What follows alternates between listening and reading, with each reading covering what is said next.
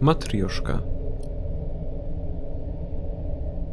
Kopiowanie świadomości, choć samo w sobie stanowi imponujące przedsięwzięcie, nie miałoby większego sensu bez jeszcze jednego, równie ważnego wynalazku.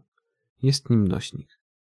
Nie chodzi o pojedynczy układ, gdyż taka konstrukcja nie byłaby wystarczająca dla planów, które stoją za naszym projektem. Sama świadomość pojedynczej istoty, odseparowana od innych i utrwalona na łatwo niszczącym materiale, niewiele by nam dała w kontekście przetrwania. Aby mieć nadzieję na uratowanie gatunku, potrzebujemy czegoś bardziej skomplikowanego superukładu, potężnej i trwałej symulacji, systemu naczyń połączonych. Innymi słowy, matrioszki. Zapoczątkowana, jakżeby inaczej, jako projekt wojskowy. W założeniach miała na celu analizę wielkich zbiorów danych i walkę na froncie wojny cybernetycznej. Budowana najpierw przez Rosjan, później zasilona wsparciem naukowo-pieniężnym przez rząd Chin. W końcowym zaś stadium przyjęta na ogólnoświatowe potrzeby związane z nauką. Przed zaprzęgnięciem jej do tego ostatniego celu nigdy nie udawało się wykorzystać pełni potencjału maszyny, gdyż do analiz dezinformacyjnych w zupełności wystarczyły komputery ulokowane na Ziemi. Z tego względu matrioszka, tak sukcesywnie jak niepotrzebnie rozbudowywana, przez stulecia funkcjonowała jako wielki straszak. Symbol potęgi. Podobnie jak niewyobrażalny arsenał nuklearny, który w końcu doczekał finiszu swojego żywota jako zbiorowisko przeterminowanych głowic.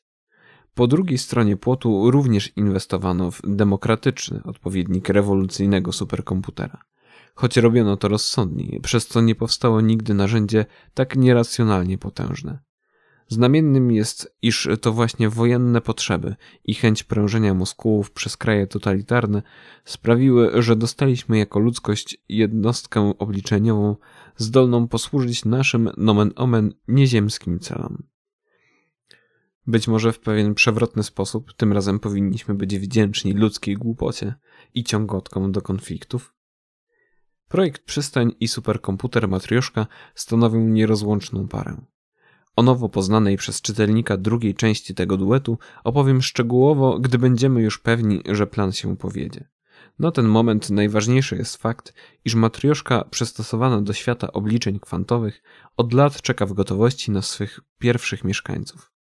Poprzednim życiu na szczęście udało mi się po pewnych zawirowaniach trafić na Islandię więc wraz z innymi naukowcami osobiście mogłem dopracowywać tę niemożliwą do ogarnięcia ludzkim umysłem maszynerię.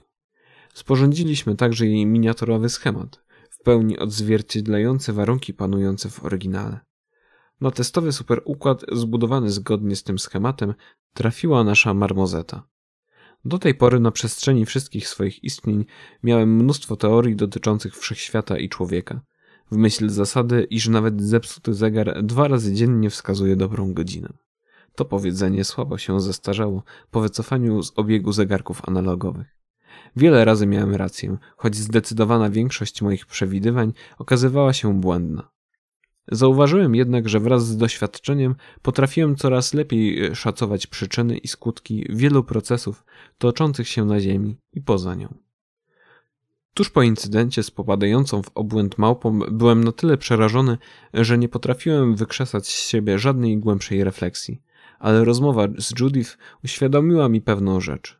To, co się stało, było prawdopodobnie dowodem na jedną z moich najbardziej zuchwałych hipotez. Taką, na której potwierdzenie nie miałem absolutnie żadnych dowodów, ponieważ poziom rozwoju technologicznego nie pozwalał na empiryczne sprawdzenie jej słuszności. Klonowanie świadomości myszy i innych małych zwierząt nie było posunięte wystarczająco daleko, aby doprowadzić do tak fatalnych skutków. Nie przenosiliśmy ich na testowe układy, uznaliśmy, że nie było sensu robić tego z tak prostymi istotami, których myśli ciężko byłoby nam monitorować. W końcu matrioszka, nawet ta miniaturowa, nie jest trywialną i w pełni odnawialną maszyną, a nasze zasoby są mocno ograniczone. Teraz po wykonaniu pełnej procedury z marmozetą dowiedzieliśmy się, że prawdopodobnie oszczędziliśmy tym myszom sporo cierpienia. Wspomniałem wcześniej, że układ, który zbudowaliśmy na podstawie umysłu małpy, szybko zaczął dążyć do autodestrukcji. Nie nadmieniłem jednak, że mimo to próbowaliśmy sztucznie podtrzymywać go przy życiu. czyli pozwolić mu na dalszy rozwój. Istnieje bowiem znacząca różnica pomiędzy samym wykonaniem kopii świadomości, a jej, no właśnie, jakiego słowa można w tym miejscu użyć? Działaniem? Życiem? Oba reprezentują pewne skrajności, a w rzeczywistości ów stan można opisać jako coś pomiędzy nimi. Zbyt bliski egzystencji, by określić go nomenklaturą maszynową, a jednak na tyle sztuczny, że wpisujący się w definicję pewnego rodzaju mechanizmu. Choć ten czynnie egzystujący układ był praktycznie bezużyteczny, a jego ewolucja wykluczała jakąkolwiek formę komunikacji, mocno naciskałem, aby spróbować doprowadzić do sytuacji, w której przez dłuższy czas równolegle istnieją i rozwijają się dwie świadomości tej samej istoty. Obydwie funkcjonujące i ewoluujące, choć w pełni odseparowane od siebie. Moje podejście uznano za antynaukowe, wręcz zabobonne, ale przystano na propozycję. W celu przekonania Instytutu do moich racji wykorzystałem raczej swój autorytet, nie zaś racjonalne argumenty, gdyż tych ostatnich w zasadzie nie posiadałem. Wiedziałem jedynie, że mój wyjątkowy w skali ludzkości przypadek odradzania się na nowo jest dowodem na pewien pierwiastek niesamowitości, który wynosi istnienie życia ponad wypadkową idealnie nakładających się losowych czynników. Że życie i świadomość same w sobie są nie do objęcia człowieczym rozumem, ani teoriami z naukowych podręczników. Choć może powinienem ująć to inaczej, że byłoby zrozumiałe jedynie dla istot na wyższym stopniu rozwoju niż ludzie. Cóż, istnieje szansa, że nie pomyliłem się przypisując tym zjawiskom rangę, jak na nasze małe umysły, mistyczną. Zgodnie z posiadaną przez nas obecnie wiedzą, samo skopiowanie świadomości jest procesem stosunkowo nieinwazyjnym i nie robiącym spustoszenia w umyśle obiektu tej operacji. Robiliśmy to dziesiątki razy, z różnym, choć przeważnie marnym skutkiem, na nieco mniej złożonych organizmach. A mimo to marmozeta bez wyraźnych, wytłumaczalnych powodów oszalała. Dlaczego?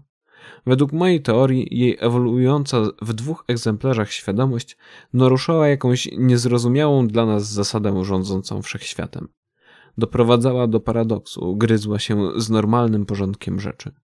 Od pewnego czasu zakładałem, że nie bez powodu moje wieczne życie toczy się w sposób liniowy, a kolejną formę przyjmuję dopiero wtedy, gdy poprzednie umrze. Teraz zaś po przeprowadzeniu ostatnich eksperymentów zostajemy postawieni przed następującym faktem.